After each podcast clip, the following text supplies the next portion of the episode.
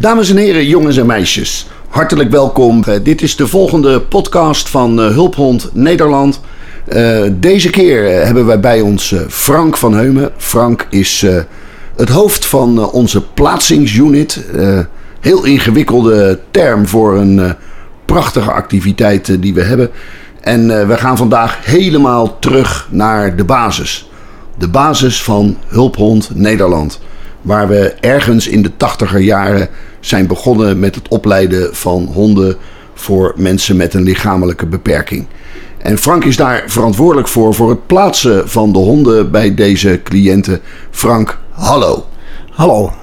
Hartelijk welkom uh, bij deze podcast en we gaan het vandaag hebben over ADL-hulphonden. Wat, wat is ADL, uh, Frank?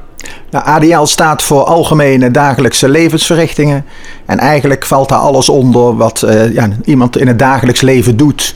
En de zogenaamde ADL-honden zijn honden die daarbij kunnen assisteren. Nou, dat is, uh, dat is fantastisch. En wij doen dat al heel lang. Hè? Wij doen dat al um, nou, meer dan 35 jaar volgens mij. Ja, ja, eigenlijk is dat ook de, de oorsprong in 1984 uh, eh, is eigenlijk de eerste ADL-hond uh, opgeleid. Dat is een uh, hond die gehaald is uit Amerika. En dat was toen nog met Stichting Soho. En later is Stichting Soho samen met twee andere stichtingen, Stichting Eurodoc en Stichting SAM, overgegaan in Hulphond Nederland in 2001. Ja, hey, en, en hoe lang werk jij al bij, bij Hulphond Nederland, Frank? Vanaf 2001. Dus ook al een heel tijdje. Ja, dus, dus als we het over ADL hebben, dan hebben we hier de juiste persoon te pakken. Je weet er heel veel van. Daar ga ik vanuit. Juist, heel goed. Um, als, als ik het over ADL-hulphonden heb uh, en ik heb het over de cliënten die uh, zo'n hond bij ons aanvragen. Um, wat, wat, wat zijn de typische uh, beperkingen die onze cliënten hebben? Nou ja, ADL, eh, nou ja, wat ik net al zei, waar het voor staat. En het zijn dus mensen allemaal met een fysieke beperking. En die fysieke beperking, dat, uh, dat kan MS zijn, uh, spierziektes, dwarslesie. Eigenlijk met name mensen die in een rolstoel zitten. Maar we hebben ook mensen die lopen. Want we hebben ook recentelijk een cliënt met Parkinson die een hulphond van ons gekregen heeft. Dus dat is eigenlijk een beetje de, ja, de grootste groep mensen die wij bedienen. Ja, en, en uh, wat, wij, uh, wat wij doen, uh, wij fokken zelf honden of wij kopen honden in. En die gaan dan een heel traject in. Die gaan naar een gastgezin. En die gaan daar ongeveer 16 maanden worden opgevoed door dat gastgezin. En dan komen ze hier op de stichting. en dan gaan onze trainers die honden van alles leren. En als je kijkt wat, wat die honden dan, dan leren, hoe pakken wij dat aan, Frank? In principe is het zo dat de hond, als ze hier dan binnenkomen, de, een basistraining krijgen. Dus de trainer brengt in kaart het karakter en de, de kwaliteiten van de hond. Uh, op dat moment uh, wordt de hond wat wij noemen aangeboden. En dat betekent dat wij op zoek gaan naar een, een, match. Dus kijken welke cliënt past bij welke hond. En dat heeft te maken met de vaardigheden en de, de aandachtspunten van de hond. En aan de andere kant ook weer met de kwaliteiten en ook de, de mogelijkheden en beperkingen vanuit de cliënt. Dus we gaan daarnaar op zoek. En dan volgt er een, een matchbezoek als wij denken dat hond en cliënt bij elkaar zouden kunnen passen. En dan uh, neemt ook de trainer het maatwerk op. En dan kijken we heel specifiek wat zijn de handelingen, de vaardigheden die de hond moet doen voor die specifieke cliënt. Want dat verschilt heel erg per cliënt. Is natuurlijk ook afhankelijk van de beperkingen. En we kijken vaak ook naar de toekomst. Want er zijn ook een aantal ziektes die progressief zijn. Dus wat zou de hond nog moeten bijleren? En heeft die hond ook die kwaliteiten om die volgende stappen te kunnen maken? Dus dat zijn eigenlijk de, het traject wat je dan doorloopt. En dan moet je aan heel veel verschillende dingen denken. Uh, nou ja, een van de meest eenvoudige dingen, zo lijkt het althans, is het zogenaamde apporteren. Dus de hond geeft iets af aan de cliënt wat ergens ligt of gevallen is. Het lijkt heel eenvoudig, is niet altijd zo eenvoudig. En het is wel zeer belangrijk voor een cliënt. Want het geeft wel heel veel vrijheid en zelfredzaamheid als het moment dat er iets valt of je wil iets hebben. En je kunt het aan je hond vragen en je hoeft het zelf niet te doen. Je kunt het zelf niet doen. Ja, en, en als, je, als je kijkt naar, naar alle vormen van maatwerk uh, die, die wij uh, de honden trainen, zeg maar. Uh, kun je daar eens een bloemlezing van geven? Welke, welke aspecten kom je daar allemaal tegen? Wat kunnen wij honden allemaal leren om onze cliënten te helpen? Ja, dat is zeer divers. Een van de mooie dingen vind ik altijd, wat, een, wat we een hond kunnen leren, is voor een cliënt die niet in staat is, fysiek verstaat, om zelf de hond aan en af te lijnen, dat de hond zichzelf aan en aflijnt. En dat is best, uh, ja, ik zou bijna zeggen risicovol, wat dat betekent dat een hond zich in iedere situatie zichzelf ook kan aflijnen wanneer hij wil. Dus het is ook zeker niet voor iedere hond weggelegd. Er moet wel voldoende appel zitten op de hond. Dat de hond ook niet uh, te ondeugend is en zichzelf op verschillende plekken aflijnt. En af en toe denkt van, goh, ik ga even wat voor mezelf doen. Ja, ik kom in het park en ik zie over een half uurtje wel weer. Nee, dat is niet uh, dat wat we willen. Dus dat is wel een, een, ja, vind ik altijd een heel bijzonder iets. Ehm, bijvoorbeeld het omdraaien in bed, wat een cliënt kan doen voor de nacht, waardoor dus echt de nachtzorg uitbespaard wordt. En ik heb ook wel eens van een cliënt teruggekregen dat het zo fijn is dat de hond het doet. Niet zozeer vanwege de handeling aan zich, want dat is al heel fijn. Maar ook het, het aspect dat als de nachtzorg komt, dat hij altijd een praatje wil maken. En daar heb, zit je s'nachts eigenlijk niet op te wachten. En die hond draait je keurig om. En die gaat weer lekker in zijn mand of zijn kleedje liggen. En jij kunt weer verder slapen. Ja, dus ja want s'nachts wel... slaap je over het algemeen. Is de bedoeling. Ja, ja, Nee, dat begrijp ik. hey Frank, en, en als je nou naar de, naar de afgelopen jaren kijkt. Hè, de, de, je, je werkt uh, sinds 2001 uh, bij Hulphond Nederland. Uh, heb, je, heb, je er ver, heb je veranderingen gezien in de manier waarop wij ADL-honden opleiden, ADL-honden plaatsen? veranderingen gezien bij, bij onze cliënten die wij bedienen? Ja, ik denk wel dat het traject uh, veranderd is. Het is sowieso veel professioneler geworden. Uh, er wordt ook veel meer, uh, denk ik, als in het verleden rekening gehouden met de hond. Van wat heeft een hond nodig om goed te kunnen functioneren. Maar op het moment dat een hond goed in zijn vel zit, kan die ook veel beter presteren. En dat is weer, ook weer in het welzijn van de cliënt. En eh, als je het kijkt naar de cliëntenkant, dan denk ik dat we ook veel meer geconfronteerd worden met een uh, psychisch component, wat vaak een rol speelt bij een cliënt. En dat is natuurlijk nooit de hoofdvraag, hulpvraag, want dat is ADL. Maar het is wel iets waar de hond mee geconfronteerd wordt en wij ook rekening dienen mee te houden in de begeleiding. En dan kan het zijn dat het, uh, ja, de diagnose gesteld is in de vorm van ADH of uh, PTSS of autisme. Maar soms hebben we ook bepaalde uh, psychische componenten die niet gediagnosticeerd zijn. En een ander eh, iets wat daar vaak bij komt kijken is het stukje acceptatie. De cliënt moet ook de eh, beperking, de handicap ook accepteren. En vaak ook nog een zogenaamde heracceptatie. Want als een ziekte progressief is, dan komt de, komt de cliënt weer in een nieuwe fase. En dat is ook weer een stukje acceptatie. En daar wordt ook de hond mee geconfronteerd, want het doet wel iets met zo'n cliënt. Ja. Dus dat aspect komt wel steeds meer op de voorgrond. En ik denk ook dat het steeds meer door ons als begeleiders, als instructeurs meegenomen wordt in het hele traject. En dat het vroeger veel meer aan de zijkant stond. Ja, ja en je, je zei er net ook nog iets heel, heel belangrijks. Het welzijn uh, van de hond. Uh, dat dat ook iets is wat, wat voor ons heel belangrijk is. Hè? Wat wij bij ja. Hulphond Nederland altijd zeggen.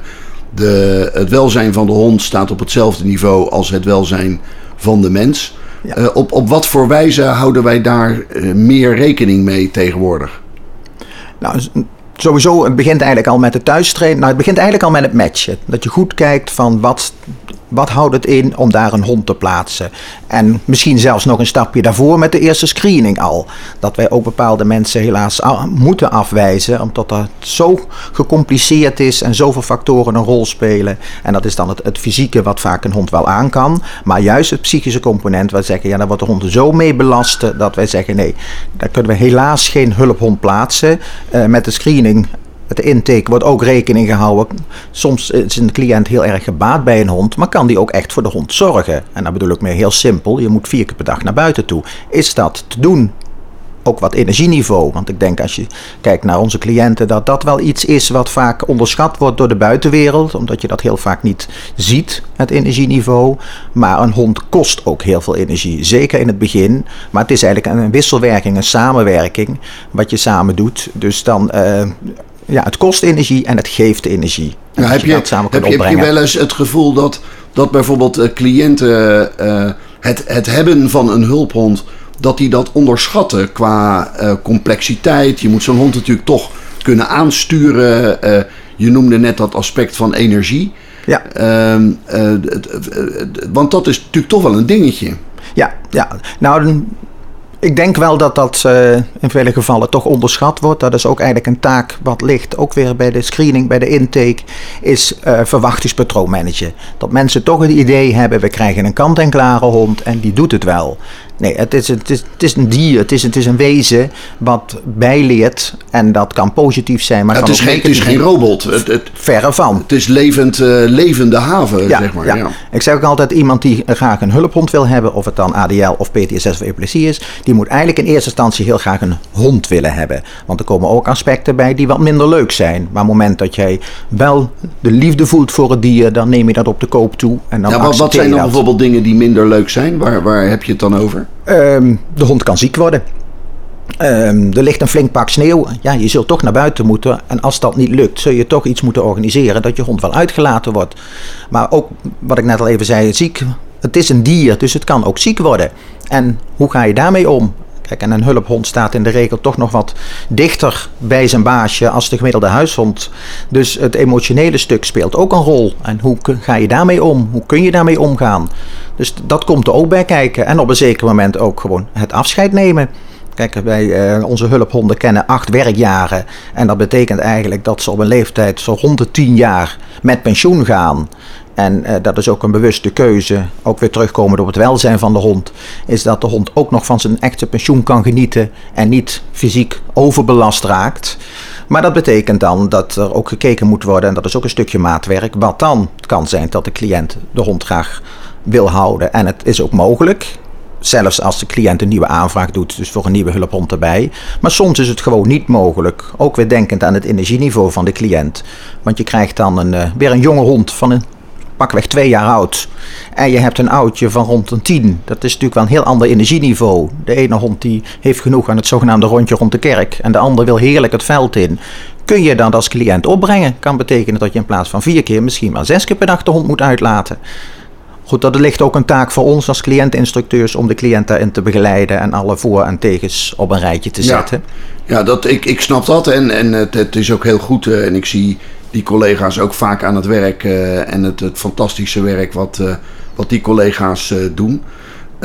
maar, maar als de hond nou niet bij de cliënt kan blijven, hè, dus wat jij net beschrijft, dat zo'n cliënt dat qua energieniveau niet aan kan, uh, en hij kan dus niet blijven uh, bij de cliënten. Wat, wat gebeurt er dan?